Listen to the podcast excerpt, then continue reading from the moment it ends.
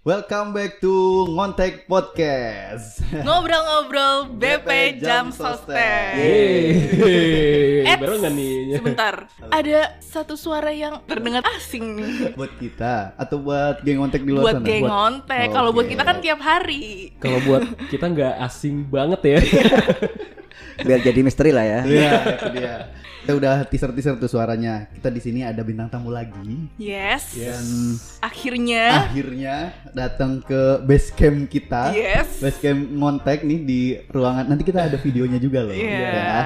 Jadi setelah beberapa purnama tidak bisa janjian nih dengan Iya. bintang tamu kita Setelah ini. jadwal schedule super padat, Betul. ya kan, banyak banget karena beberapa bulan terakhir ini seperti yang kita pernah obrolkan waktu Ya, di hmm, episode-episode episode sebelumnya, kita aja nih itu sibuk banget, Betul. apalagi beliau ini, Wah, ya kan, bukan lagi ya. bukan lagi, gitu makanya Kok kayak tahu ya yang diomongin siapa ya?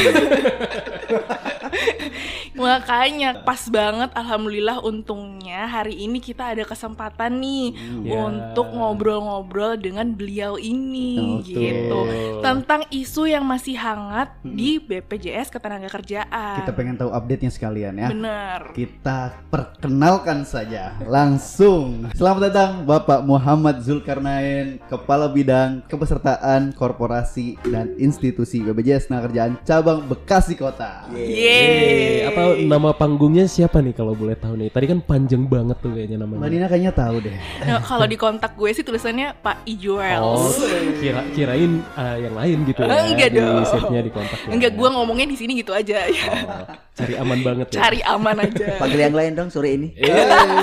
Apa ya? Bapak Muhammad Zulkarnain ini Hmm. adalah Kepala Bidang Kepesertaan Korporasi dan Institusi di Kantor Cabang BPJS Ketenagakerjaan Bekasi Kota. Hmm. Nah, beliau ini tahu banget nih tentang isu-isu di BPJS Ketenagakerjaan yang lagi Hmm. hangat yang bikin eh, beberapa bulan terakhir ini Mm-mm. kita agak sedikit hektik nih, ya Hmm. kan? Salah satunya itu adalah mengenai bantuan subsidi, Subsidi upah yang memang sebenarnya ini adalah program dari pemerintah eh, BPJS Ketenagakerjaan diberikan amanah gitu ya, Pak ya. Langsung, Langsung saja aja, kita bahas tentang BSU ini. Jadi sebetulnya kita ingetin lagi nih Pak ke Gang Ngontek. Ya. BSU ini apa sih Pak? Mm-mm. Oke, mau mulai nih. Mulai Oke. dong. Tadi waktu ngenalin panjang banget sih. Sebenarnya cukup panggil Ijul aja gitu. Oh iya. Dan sepakat aja kalau mau nyebut BPJS Ketenagakerjaan, kita sebut BP Jam Sostek aja. Betul. BP Jam lebih Sostek. lebih Familiar. familiar. Lebih Iya. gampang diingat Lebih ya. gampang. Oke, terima kasih undangannya sebelumnya ya ke tim Ngontek. Eh, memang lagi in ya, Mm-mm. lagi in itu yang namanya BSU atau bantuan subsidi upah ini. Mm-mm. Karena memang eh, melihat situasi yang beberapa bulan terakhir ini sangat apa ya, kita juga turut prihatin. Mhm. dan itu memang dipandang oleh pemerintah saatnya untuk memberikan apa, semacam subsidi, stimulus dan sebagainya kepada masyarakat terutama. Dan kita tahu bahwa kalau yang disebut tadi BSU itu uh, dikhususkan ya kepada masyarakat yang telah terdaftar sebagai peserta BP Jam Sostek khususnya di sektor formal ya untuk yang bekerja di satu badan usaha gitu. Dan itu udah ada landasan hukumnya sih, ada di Peraturan Menteri Ketenagakerjaan ya nomor 14 tahun 2020. Eh, asal peserta tersebut itu memenuhi kriteria, maka pekerja tersebut mendapatkan subsidi upah itu sebesar 2.400 yang sebenarnya itu adalah peruntukannya untuk 4 bulan. Mm-mm. Jadi iya. 600 dikalikan 4 tapi oleh pemerintah didistribusikan sebanyak dua kali. Seperti itu gambaran besarnya eh, tim Montek. Ya, jadi Pak me- mau menekankan lagi nih Pak. Jadi program bantuan subsidi upah ini adalah program dari pemerintah kan gitu ya Pak ya. Betul. BPJS Ketenagakerjaan ini sebagai apanya Pak? Jadi kita memang mendapat mandat dari pemerintah karena tolak ukurnya adalah bagi pekerja yang mendapatkan upah atau gaji di bawah 5 juta. Sedangkan BP Jam Sostek yang memang data dinilai oleh pemerintah itu valid, memiliki data tersebut, maka kita diminta untuk mengkolek Oke. atau Mengumpulkan. mengumpulkan data rekening dari peserta kita yang memang benar-benar mendapatkan gaji atau upah di bawah 5 juta gitu. Oke. Jadi ngumpulin data rekeningnya gitu ya. Pak? Betul. Jadi beberapa bu s- dalam sebulan terakhir kemarin ya, sejak keluarnya Permenaker tersebut kita sangat masif sih melalui surat, melalui Iya. media, kita minta ke para pemberi kerja, Mm-mm. jadi pemilik perusahaan atau melalui HRD kita komunikasikan agar menyetorkan data rekening pekerjanya ke BP Jam Sostek. Nah, sebenarnya Pak dari pemerintah sendiri Ya. tujuannya untuk mengeluarkan program ini apa? Ya, kita tahu se- memang sangat berdampak ya Mm-mm. dengan adanya Iya. pandemi COVID-19 ini. Kita lihat banyak masyarakat selain ada yang terkena Mm-mm-mm. positif Oke. menjadi penderita juga bagi perekonomian sangat terdampak. Jadi Betul, orang Pak. lebih keep eh, lebih kebutuhan pokok yang sehari-hari itu yang lebih Ya, diutamakan. ibaratnya mengutamakan kebutuhan pokoknya Betul. gitu untuk saat ini ya. Padahal dengan adanya situasi pandemi itu kita kan Mm-mm. pinginnya menghindari resesi dan sebagainya Betul. untuk antisipasi. Maka kalau kita lihat di media, Mm-mm. Pemerintah le- sangat mengharapkan bahwa roda perekonomian segera berjalan. Mm-mm. Maka dengan adanya subsidi upah itu diharapkan mampu untuk menggairahkan transaksi perekonomian yang ada. Betul. Jadi Sebenarnya itu arahnya. eh, menggerakkan kembali perekonomian gitu ya Pak Betul. ya. Sebetulnya ini untuk semua segmen Ya. atau eh, tidak Pak? Hanya beberapa saja dan juga syaratnya apa sih Pak untuk penerima ini? Ya, eh, kalau yang program BSU ini sesuai dengan kriteria yang ditetapkan oleh pemerintah, Mm-mm. memang sasarannya adalah untuk pekerja yang formal. Jadi di kita kan ada tiga segmen ya. Oke. Ada pekerja yang bekerja di satu badan usaha atau di sini formal kayak kita yang bekerja pada suatu perusahaan atau instansi atau para pekerja atau buruh yang ada di industri, pekerja perkantoran dan sebagainya itu disebut Iya, pekerja formal. Formal. Oke. Segmen yang kedua itu adalah pekerja yang bukan penerima upah atau informal ya. Jadi pekerja secara mandiri, mencari penghasilan sendiri. Oke. Contohnya mohon maaf, saudara kita yang bekerja seperti petani, kemudian Tukang ojek. tukang ojek, tukang beca, warung. pedagang kaki lima dan sebagainya. Wira sebagainya. swasta gitu, Pak, ya? Wira swasta. Jadi itu disebut pekerja informal, atau Informal. mandiri. Dan yang ketiga ada juga pekerja di sektor jasa konstruksi. Jasa Jadi konstruksi. bekerja pada satu proyek dengan masa Oke. proyek tertentu. Nah, BSU ini ini memang ditujukan kepada pekerja di sektor formal Oke. dengan penghasilan di bawah 5 juta. Mungkin pemerintah sebelumnya juga ada seperti BLT dan sebagainya. Iya. Itu adalah untuk masyarakat yang mohon maaf eh, menengah ke bawah yang memang terdampak itu pun ada program tersendiri Mm-mm. yang apa namanya itu yang diberikan oleh pemerintah saat itu. Dan khusus untuk peserta BPJS Ketenagakerjaan BP Jam Sostek itu BSU ini ya Pak Betul. ya. Subsidi. BSU ini nama programnya. Karena sempat ada dengar tuh kan eh, selain BSU nih ya, Ya. hampir berbarengan nih Pak yang eh, prakerja. Ya, ada juga program prakerja itu Kementerian Ketenagakerjaan ya. Kemudian di sektor UMKM juga ada sendiri sebenarnya. Jadi ada alokasi bantuan nilainya eh, sama juga 2,4 Iya. diberikan Iya. kepada pelaku usaha yang UMKM. Itu ada Jadi juga. memang untuk sasarannya udah ditentukan langsung ya dari Betul. pemerintah kayak berdasarkan programnya masing-masing gitu ya. Iya, sesuai dengan sasaran yang yang ditetapkan. Jadi kalau syaratnya untuk program bantuan subsidi upah ini Pak, apa aja tuh Pak? Oke. Kalau lihat di Permenakernya ya, nomor 14 tahun 2020 itu kalau kita bisa baca bersama ada beberapa kriteria yang ditetapkan. Di antaranya ya, Mm-mm. Iya. pertama tentu WNI ya, warga negara Indonesia itu dibuktikan dengan adanya nomor induk kependudukan. Hmm. Jadi kebetulan sistem yang ada di BP Jam Sostek ini kan sudah terintegrasi dengan data Adminduk. Betul. Jadi Betul. kita bisa memvalidasi data pekerja tersebut dengan data yang sudah terdaftar di ke administrasi kependudukan. Iya. Jadi kalau warga negara asing memang tidak mendapat, sudah Iya. dipastikan tidak mendapatkan BSU. yang ada di Dukcapil gitu ya Pak ya. Betul. Kayak gue gini warga negara asing berarti nggak bisa dapet. Tahu serius-serius banget lo berdua. asing gitu ya, atau diasingkan gitu. Ini udah serius-serius banget Pak, tumben nih Pak. Soalnya ini bah- bahasanya memang apa penting banget karena banyak banget yang pengen dengerin BSU. Bener, ini. banyak banget yang nanya dan penasaran sama program BSU ini kan. Sampai sekarang kan Update-nya ya. sampai Iya, sekarang kayak betul. gimana Makanya gitu. Iya, ada ahlinya tuh pengennya fokus dulu lah. Iya. Oke. Eh, lanjut. Kalau yang pertama tadi itu kan ini ya WNI ya. Ya. dibuktikan dengan nomor induk kependudukan di apa administrasi kependudukan. Yang kedua, pekerja tersebut terdaftar sebagai peserta aktif BP Jam Sostek atau program jaminan sosial ketenagakerjaan. Itu eh, dibuktikan dengan nomor kartu kepesertaan. Nomor peserta Karena ya.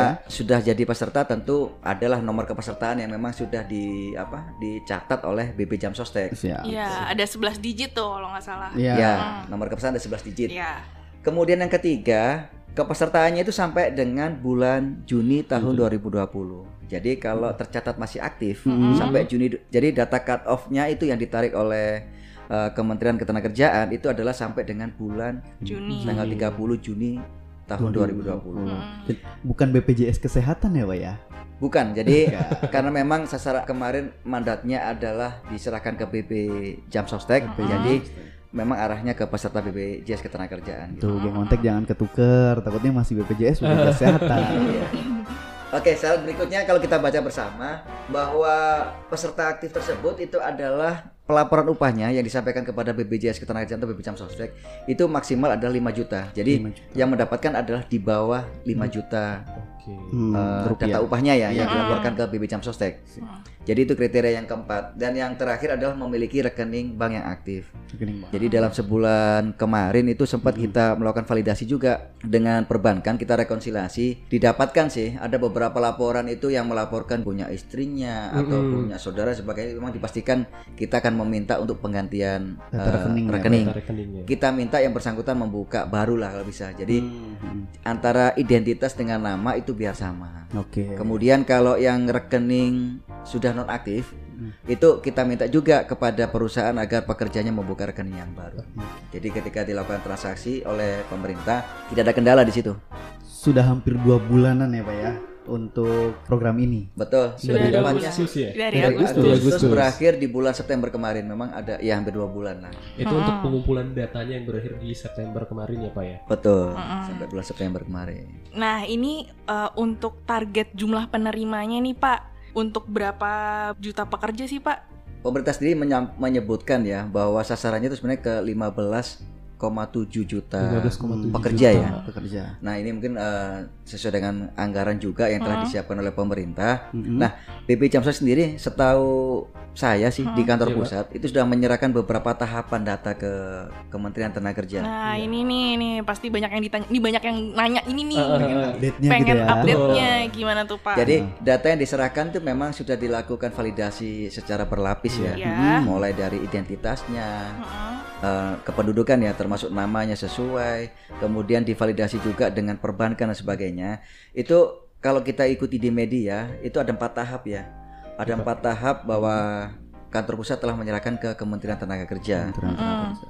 Total itu ada segi eh, yang sudah tervalidasi memang oleh Kementerian Tenaga Kerja ada 10 juta 10,7 juta 10 data yang telah tervalidasi dan dilakukan distribusi dana Bantuan, BSU ya, oleh ya. kementerian di situ.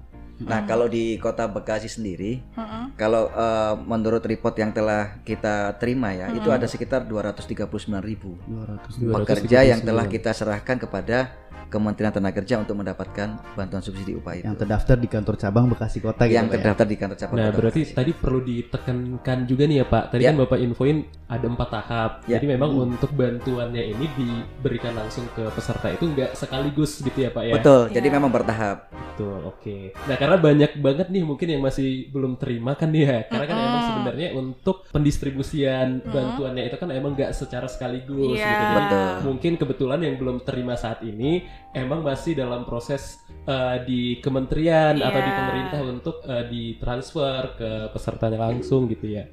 Iya, jadi tahapan itu memang karena proses validasi ya. Ya. Karena nilai ada jutaan rekening yang akan Hmm. ditransfer tentu membutuhkan validasi yang sangat harus Betul. harus hati-hati. Iya, jadi tepat sasaran sebagainya. juga bukan sekedar di BPJS aja nih mungkin Betul. yang memvalidasi datanya. Jadi kayak yang Bapak bilang juga ada di bank bahkan sampai di pemerintahan juga divalidasi lagi ya Pak ya. Betul, Mas Indra. Gitu. Jadi kayak ngontek. Jadi Oh. jawabannya kalau misalnya ada yang Uh, nanya, uh, kok saya belum dapet ya? Itu jadi karena kita validasinya itu berlapis. betul. Mulai dari NIK-nya, namanya, kemudian nomor rekeningnya ada yang double atau enggak. Kayak lu misalnya, ya kan? Gimana?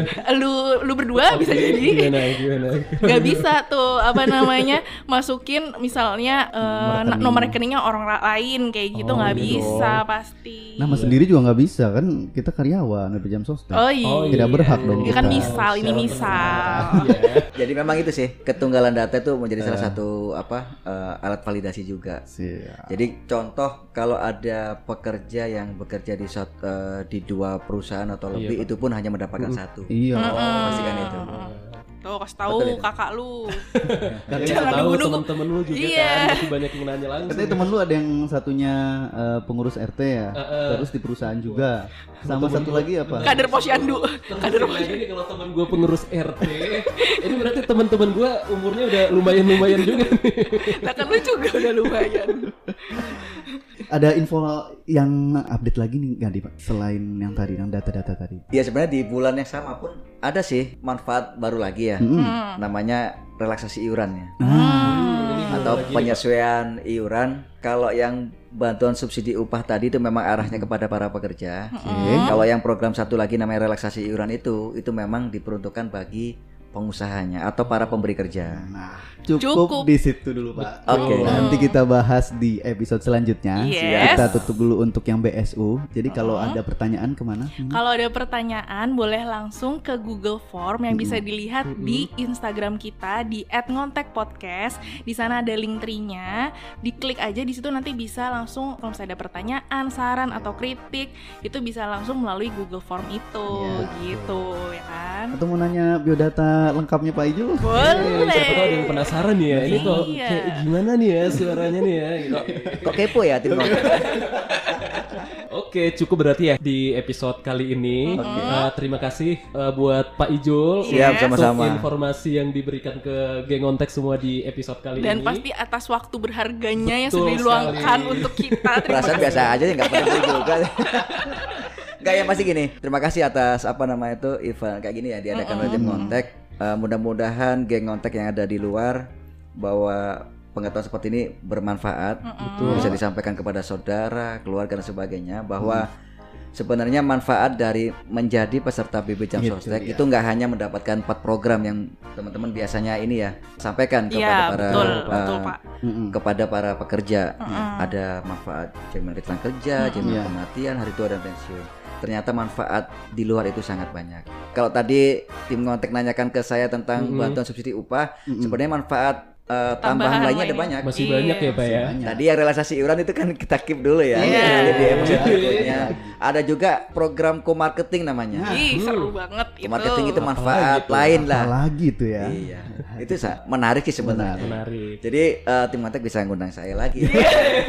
Siap.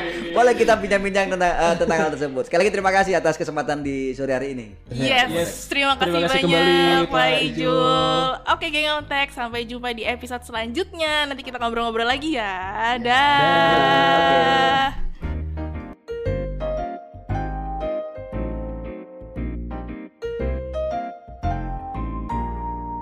Gontek, gontek, ngobrol-ngobrol jam sostek. Gontek, gontek, ngobrol-ngobrol jam sostek. Bersama kita bahas semua program JHT, JP, JKK. Bersama Indra, Yudit, dan Nina. Hanya di Gontek, ngobrol-ngobrol jam sostek. Hanya di Gontek, ngobrol-ngobrol BP jam sostek.